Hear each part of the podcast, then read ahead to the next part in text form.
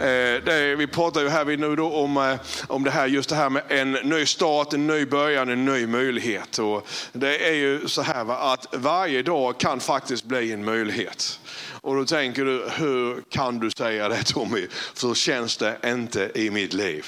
Men det är ändå så va, att när man är tillsammans med Jesus och när man fått Jesus i sitt hjärta så har vi någonting som många andra människor inte har.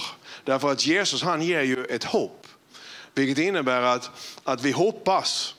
Eh, där, där de naturliga möjligheterna inte finns längre så hoppas vi i alla fall. Och vi såg en film här vid igår kväll som heter eh, eh, Barfotaroparna som handlar om roparörelsen från 1800-talet. På den tiden då så fick man inte samlas och läsa Bibeln utan att prästen var närvarande. Det var väldigt stängt reglerat. Och, och, eh, det var kanske inte rätt alltid på det sättet som människor då pressades och hölls fångna på olika sätt i, i samhällssystemen. Och då började barnen ropa. Därför barnen kunde ju Bibeln också. Alltså Gud kom över barnen. De ställde sig på stenar, de ställde sig på vagnar. Det här var på 1840-talet. Och många av dem blev kastade i fängelse, andra barn blev pryglade. Alltså det, var, alltså, det går liksom över hela Sverige så fanns något som hette roparörelsen. Barnen började ropa, omvänd er till Gud, kom till Jesus. Och 20 år senare, då, några av de här barnen som hade varit med och ropat, så avskaffades det som heter konveltikeplakatet som innebär att man kan samlas själva då och bara läsa Bibeln.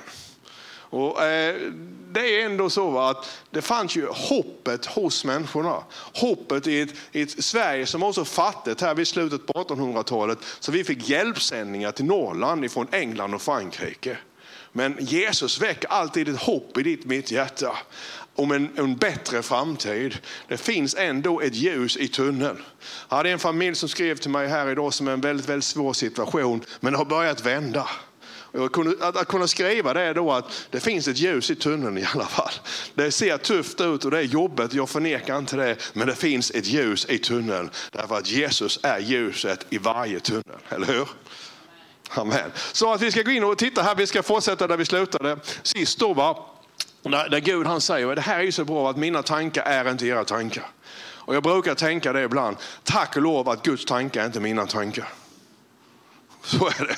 För mina tankar de kan spåra ut mina tankar kan vara fel. Men Gud, halleluja, han tänker inte som vi tänker.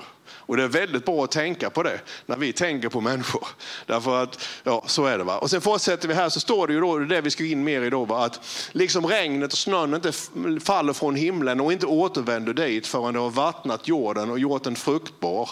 Så står det här, va? så är det med ordet som går ut från min mun, alltså ordet, alltså det som Gud han har sagt, det som står i Bibeln. Det ska inte återvända till Gud förrän då, förrän då verkat vad jag vill och utfört det vad till jag har sänt ut det. Och, det är ju dessa här löftena som Jesus han har sagt. Hela bergspredikan, dessa här underbara orden från Jesus.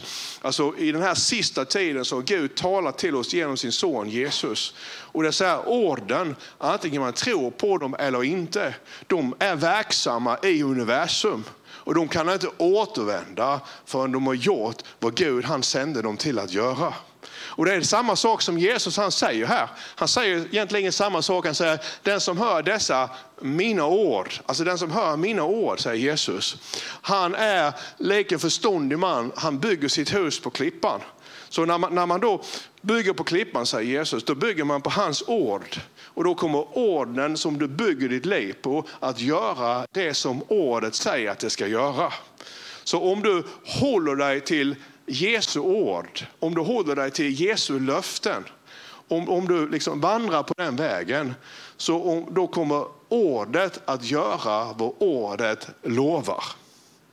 En gång till. Så det är Jesus han säger. Va? Om du bygger ditt liv på mitt ord och håller dig till ordet, då kommer också ordet att göra det som ordet lovar dig att göra.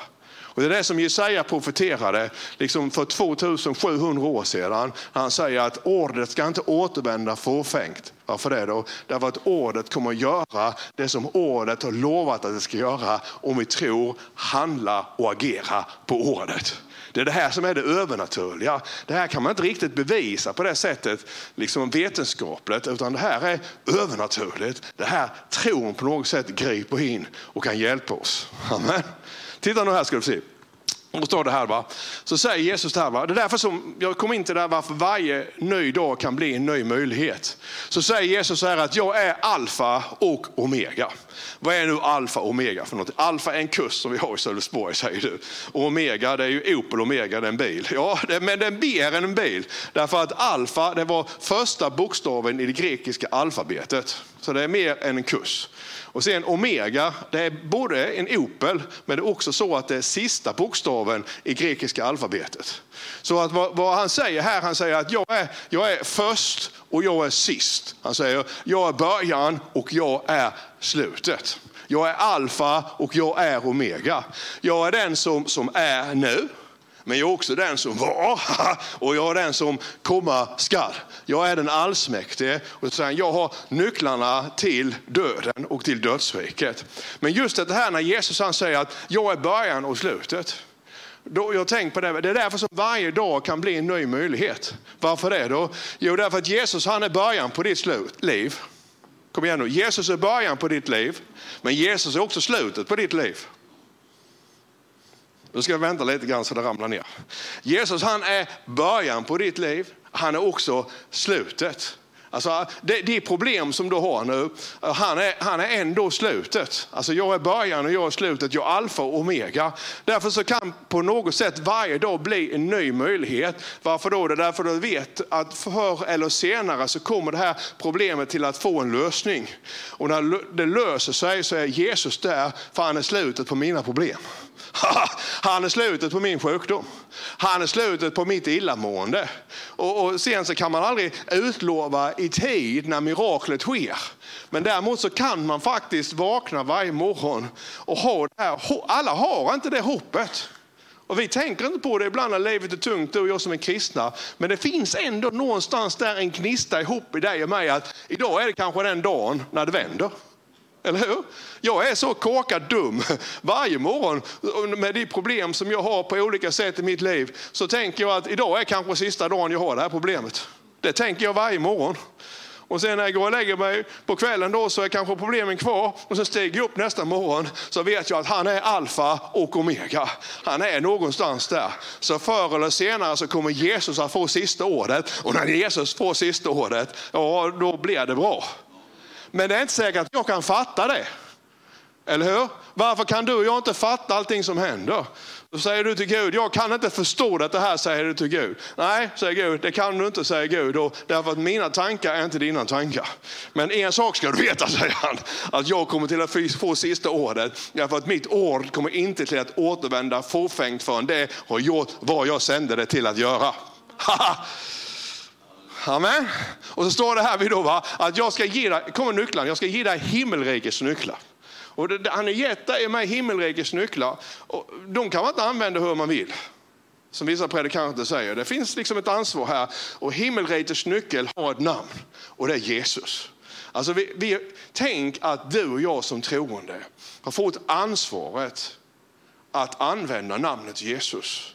Som kan öppna och stänga allting. Det är egentligen ett förtroende som ingen av oss förtjänar. I alla fall inte jag, det kan jag säga. Men jag har fått det i alla fall. Okay? Och så säger han, allt vad du binder på jorden ska vara bundet i himlen och allt vad du löser på jorden ska vara löst i himlen. Så därför så, så, så kan vi alltså binda. Om det är sjukdomar, om det är problem, om det är illamående eller vad det än är, så kan vi ta nyckeln, namnet Jesus, amen, och sen binder vi det. Och när vi då har bundet det så är det bundet i himlen. Om det då har en andlig orsak då, så är det bundet i himlen, då är det också bundet på jorden. Och då vet vi att Jesus har sagt att när vi binder då, vad är det då? Ja, då står vi liksom på klippan. Och förr eller senare så kommer ordet att göra vad ordet är sänt till att göra, binda problemet. Binda det som är orsaken till sjukdomen, binda det som är orsaken till smärtan, binda det som gör att saker och ting inte fungerar. Så att när vi då ber i Jesu namn så binder vi fibromyalgi. I Jesu namn så binder vi cancer. I Jesu namn så binder vi psykiskt illamående. I Jesu namn så binder vi det är så här problemen som bara kommer mot oss hela tiden. Vi förstår inte riktigt varifrån de kommer. Och när vi binder saker och ting då, samtidigt som vi står på Guds ord, då börjar det som då har bundit, då börjar nyckeln att verka i Jesu namn. Eller hur? Och sen så kan vi då lösa också. Alltså vad vi löser ska vara löst i himlen och på jorden. Så vi, vi löser ut de instängda känslorna så att de i Jesu namn börjar komma ut så att du kan börja må bättre på insidan.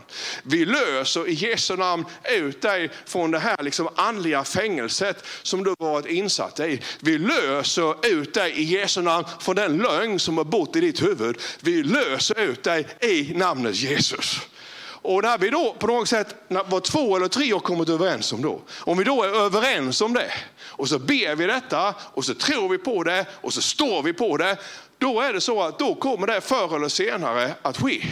Vi vet inte när, vi vet inte hur. För många gånger så vill man också räkna ut hur Gud ska göra. Har du tänkt så? Eller är det bara jag som tänker så? Alltså samtidigt som jag ber så kan jag fundera så kan jag tänka, Gud gör på det här sättet, det blir bra. Men du vet att Gud tankar inte mina tankar. Och tack och lov för det. Han tänker på ett annat sätt. Så det är inte alltid vi kan förstå allihop dessa här sakerna. Så om vi ber nu till exempel, ni som är med också, är du med mig? Om ni bara är med mig nu så ber vi. Kan vi göra det? Ja, så ber vi. Vart än ditt problem är nu så ber vi. Fader, i Jesu namn så kommer jag och församlingen och de som tittar nu inför ditt ansikte. Och vi vet inte, jag vet inte varför vad människor bär på här eller vad de brottas med. Men Fader, i Jesu namn så lyfter vi upp alla dessa här sakerna inför dig nu. Och på ditt ord Jesus, vi är överens. Två eller tre här är inne överens om att vi kan binda detta nu. De saker som nu går att binda och som har en andlig anknytning, de binder vi nu i Jesu namn. Amen. Vi binder fibromyalgi, vi binder värk, vi binder sjukdom, vi binder tumörer, vi binder mental ohälsa, vi binder saker och ting som skapar mental ohälsa, vi binder problem, andra problem som har en andlig natur och vi gör det nu i Jesu namn. Amen. Nu har vi gjort någonting, eller hur? Så när du och jag har bett nu, det är det här som är kristendom mina vänner. När vi nu har bett och vi är överens, då tror vi ju på Guds ordet. Att, att ordet och löftena från Jesus har makt att börja göra det som vi har bett. Eller hur? Och sen kan vi lösa med nu tror vi att vi kan lösa saker och ting i namnet Jesus. För han har gett det här liksom till församlingen, för församlingen nycklarna. Så binder vi, Fader i Jesu namn nu så löser vi Herre och vi befriar den som är, är fången under skulder och problem. Vi löser honom eller henne. Vi löser det som gör att inre spänningar, inre trauman, inre känslor inte kan komma ut. Vi löser ut det i namnet Jesus. Vi löser ut var och en på något sätt sätt som, som är fast i synden. Vi löser ut honom eller henne i Jesu namn. Vi löser ut allting som behövs lösas här inne nu i Jesu namn.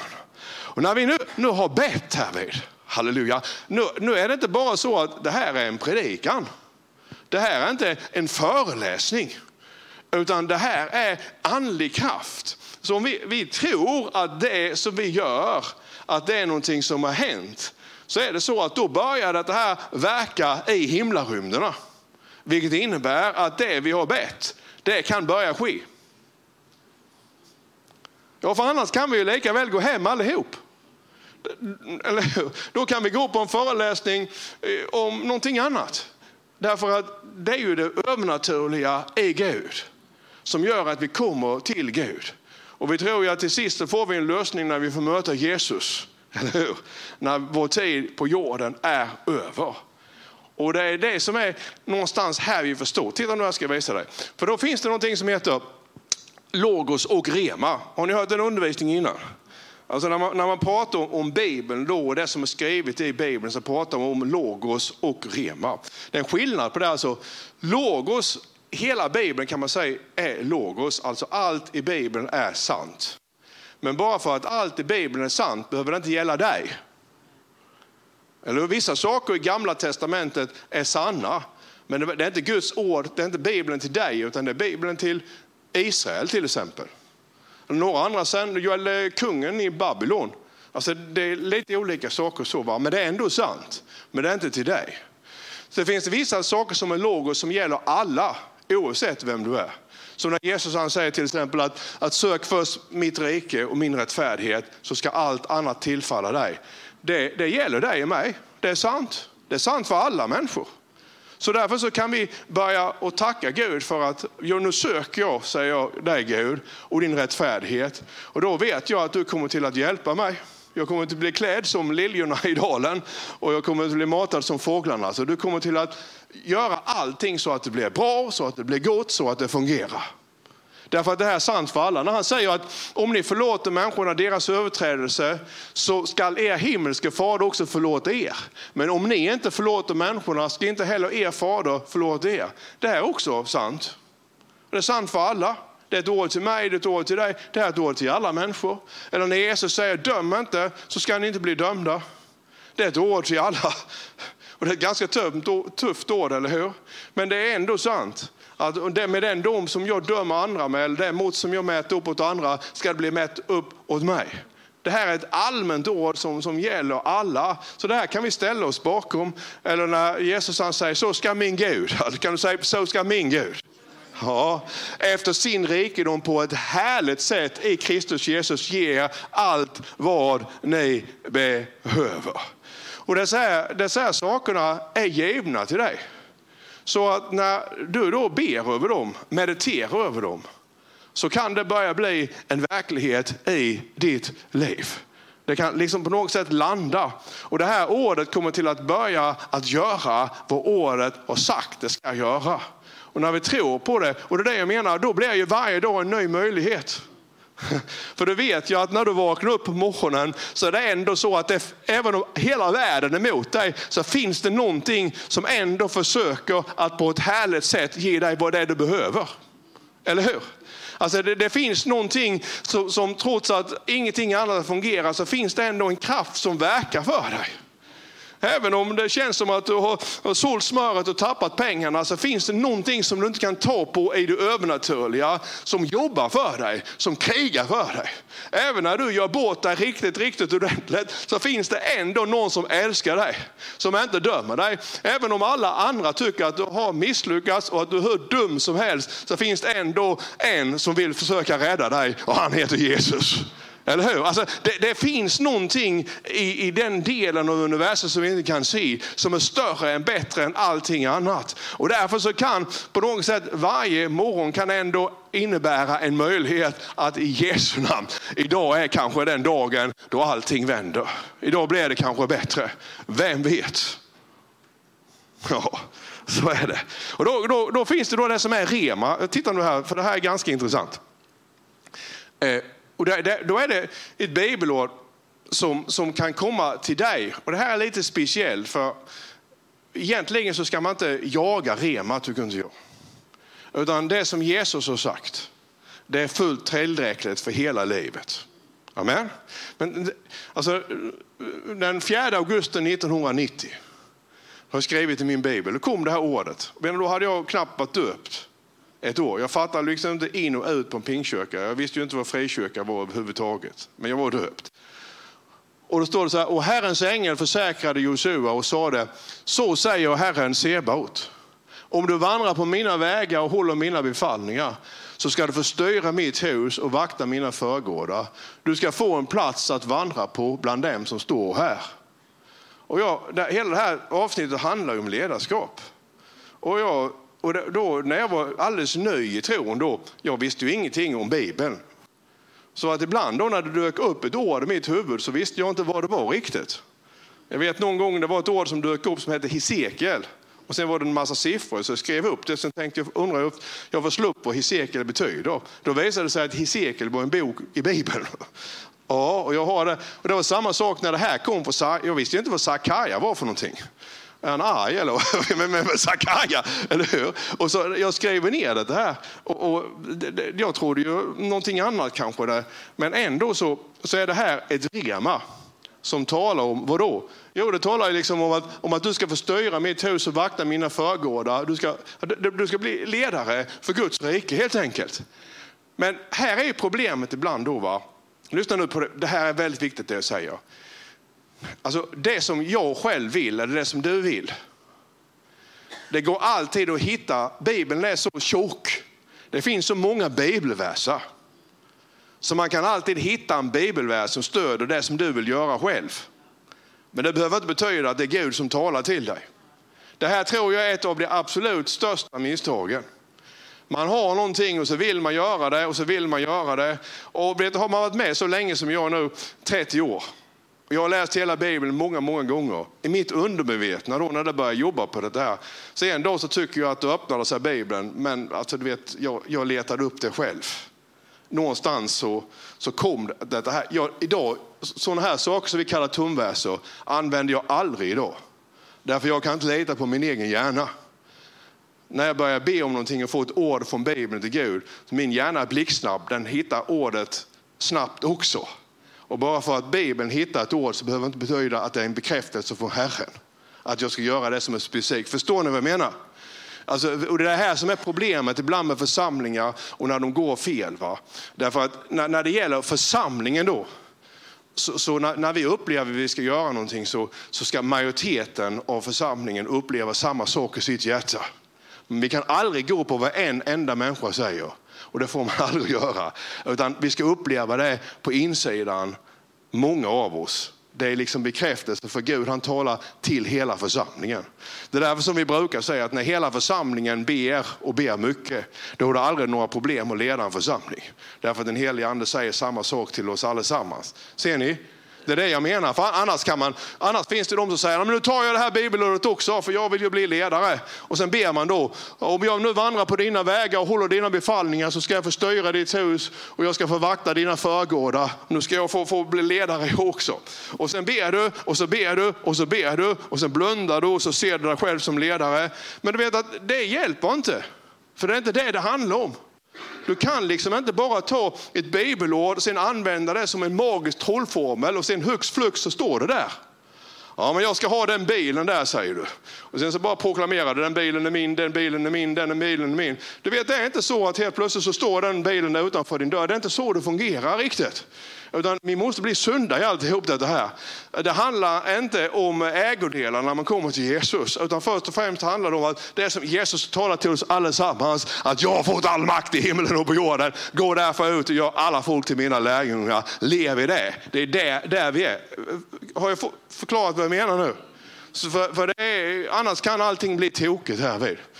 det, här, det här fick vi också 1996. Då, va? Jag ger er detta tecken, jag ska lyfta min hand mot folken, resa mitt baner för hedna folken. Då ska det komma med dina söner i sin famn och bära dina döttrar på sina axlar. Och sen när man då börjar, om, du, om du, vi då får ett ord, liksom ett, en bibelvers, och den är verkligen Gud, han talar till oss genom den här bibelversen och vi börjar göra det, då kommer bibelversen att göra det som bibelversen säger. Eller hur? Så nu har vi ju hjälpt 25 000 judar hem till Israel. Eller hur? Och det är inte vi som har gjort det. Utan vi har ju bara fått vara kärl. Eller hur? Vi har fått vara verktyg. Men, men det övernaturliga, kraften, dörrarna som har öppnats, alltså resurserna som har kommit, det är Gud som har gjort det genom oss. Ser ni det? Men bara, man kan liksom bara inte ta den här bibeln, den här är sann. Men det betyder inte att alla människor ska hjälpa judar hem till Israel för den sakens skull. Här måste man vara väldigt, väldigt försiktig. Och då säger du så här, men, men hur, hur gör man då för att man ska höra från Gud? Ja, den som kan svara på den frågan, räck upp handen. För jag kan inte det. Varför det då? Därför att hans tankar är så mycket högre än våra tankar. Man får helt enkelt pröva. Så säger du, men Tommy du tittar ju på dessa här bibelverserna och du säger att du fick ju ett rema från Gud. Ja det är klart jag kan säga det nu 30 år senare. Eller hur? Med mig? 30 år senare. Jag kan säga att det ordet var verkligen från Gud att vi skulle hjälpa judar hem. Varför det? Då gör vi hjälp 25 000. Egentligen så måste man bara börja gå. Och sen för, man kan nästan bara se på resultatet. Det här är inte så lätt som några säger. Men det som är lättare däremot, det är att läsa bergspredikan och säga att ja, där behöver du inte tveka. Du behöver inte be så här, Fader, är det så att jag ska göra det som Jesus säger i bergspredikan eller kan jag ta och strunta i det? Nej, säger Gud till dig, det kan du faktiskt inte strunta i. Men om du däremot bygger ditt liv på bergspredikan, då kan stormen komma och gå och du kommer stå igenom stormen. Därför har mitt ord det lovat. Kan du säga amen till detta? Ja, titta nu här, för jag har en grej till på Israel, för det här är så bra. Detta här, den här profetian här, den kom alltså för 2700 år sedan. Kan du säga det? 2700 år sedan. Ja, så står det så här, va? innan Sion, alltså Israel, innan Sion känt någon födslovånda så föder hon barnet. Nu kan inte ni kvinnor ta den här bibelversen och ställa er på den och säga att innan jag känner någon födslovånda så ska bebisen ha kommit ut. Ja. ja, det finns säkert en predikant som skulle kunna predika det. Så frikyrkan finns ingenting som förvånar oss, eller hur? Innan kval kom över henne har hon fött ett gossebarn. Vem har hört någonting sådant? Vem har sett något liknande? Så kommer det här, va? Kan ett land komma till liv på en enda dag? Eller ett folk födas på en enda gång? Eftersom Sion föder sina barn redan när förstlovåndan börjar. Det kommer därför det heter jag kommer till. Skulle jag öppna moderlivet men inte ge kraft att föda, säger Herren. Eller skulle jag ge kraft att föda men sedan hålla fostret tillbaka? Alltså det är ju, det är ju så att när man börjar föda så, så kommer ju bebisen. Inte vet jag, för jag har inte fött några barn, men jag vet att det är så i alla fall. Men allt detta här nu, du vet att Israel, det judiska folket, för att göra en lång historia kort, ett år 135, alltså efter Kristus, då blev de deporterade från Israel. De fick inte vara i landet. Det fanns alltså inga judar i landet. Och sen så har Gud han sagt att jag ska förskingra er. Jag ska sprida ut er över alla jordens fyra hörn. Och du vet det här tog ju ganska så lång tid. Så 1700 år senare, då är vi någonstans på början på 1800-talet, då fanns det judar i Alaska, det fanns judar i, i eh, Sydamerika, Chile, Argentina, det fanns judar borta i Japan, det fanns judar i Sydafrika, det fanns judar över hela världen. Men då, då var det också ett ord är du med mig? Ordet kan inte återvända förrän ordet har gjort vad Gud har sänt det till att göra. Då fanns det ett ord också som hade profeterats ut ett löfte som sa att när det judiska folket har blivit utspridda över hela världen, vad ska hända då? Ja, då ska han hämta dem tillbaka. Titta nu här. Så då har alltså det här ordet om att judarna ska få återvända till Israel. De har inte bott där på 1700 år. Och ändå så har de behållit sin judiska identitet. De har fortsatt vara judar. Trots att resten av världen har gjort sitt bästa för att slå ihjäl judarna för att de vill vara judar. Hade jag varit jude så hade jag slutat vara jude för länge sedan. För det hade blivit mycket lättare att leva. Men det är någonting i judarna som har gjort att de inte gjort, gett upp sin judiskhet. Och det är ju Guds ord. Det är ju övernaturligt, det har legat i deras hjärtan. Och sen så då, när det har gått du vet 1700 år, då har det här ordet väntat och väntat. Det ligger liksom i tiden, det ligger i universum, det ligger i historien. Och då någonstans i början på 1800-talet, då har klockan slagit i det här ordet. Då börjar ordet i sig själv. Alltså då börjar det utvecklas och då börjar det skapa möjligheterna för att judarna som inte bott i landet på 1700 år, för att de ska kunna komma tillbaka.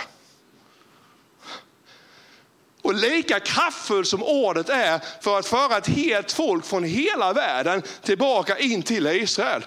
Lika kraftfullt är ordet och löftena som Gud har gett till dig. För det, det, han gör ingen skillnad. Halleluja. Ett ord från Herren är alltid ett ord från Herren. Jag älskar dig, säger han, med en evig kärlek. Det är ett ord från Herren till dig. Det är oerhört kraftfullt. Och då började ordet föra judarna tillbaka till Israel. Och det är det jag menar då, 1948 den 14 maj. en spillra efter andra världskriget. Då hade det liksom kommit då började, mitten på 1800-talet. Så nu var det liksom 7, 800, 900 000 judar i Israel. Här nu då, på något sätt så, så säger man att nu måste vi proklamera landet Israel.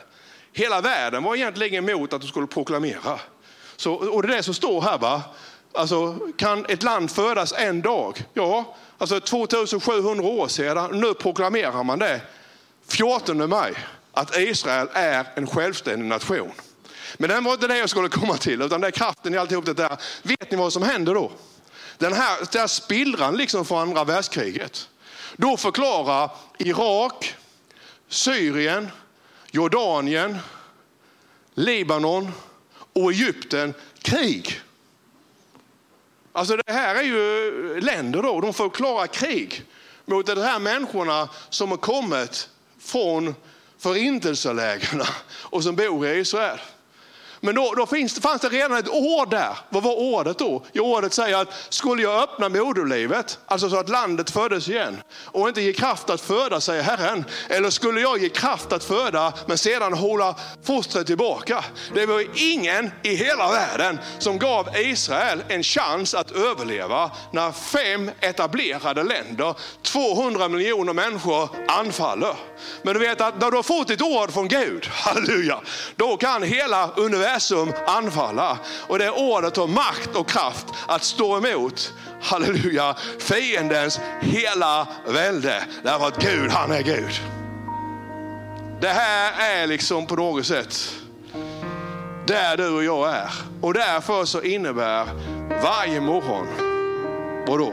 Varje morgon är en ny möjlighet. För du vet aldrig när det löfte som du har fått från Gud, när det kickar in. Och när det kickar in, då kan hela liksom helvetet vara emot dig. För det finns ingenting som kan stoppa Guds löften för dig och mig. Och det är ingenting som man förklarar. Det här är ingen teknik. Och det är ingenting som vi kan förstå heller. Jag förstår inte varför saker och ting har hänt i mitt liv. Jag förstår inte varför saker och ting händer i ditt liv. Men en sak förstår jag, att Herrens tankar är så mycket högre än våra tankar. Jag kan inte tänka som Gud tänker, men jag kan förlita mig på att jag vet att när tiden är inne, då finns det ingenting som Gud inte kan göra, därför att han är Gud. Halleluja. Så att eh, det är det jag har att säga här idag. Att när du ställer dig på ordet. Och det är till och med så att om det är ett ord givet till dig och du inte ens kanske ibland bejakar det så kan det faktiskt vara så att Gud i sin godhet, han låter det ske i alla fall. Därför att Gud, han är Gud. Vi tänker ju så här att om jag nu inte vill så mycket och jag kanske inte bryr mig, då kanske Gud han struntar i mig. Nej, Gud han struntar inte i någon. Du och jag kan göra det. Jag hade tänkt så att men då kan de stå där med sina tvättade halsar. Men tack och lov så tänker inte Gud. För Gud tänker inte som mina tankar. De är mycket högre, de är mycket finare, de är mycket mer fyllda av kärlek. Men sån kärlek som inte jag kan fatta och du kan fatta. Därför att Gud, han är Gud. Amen.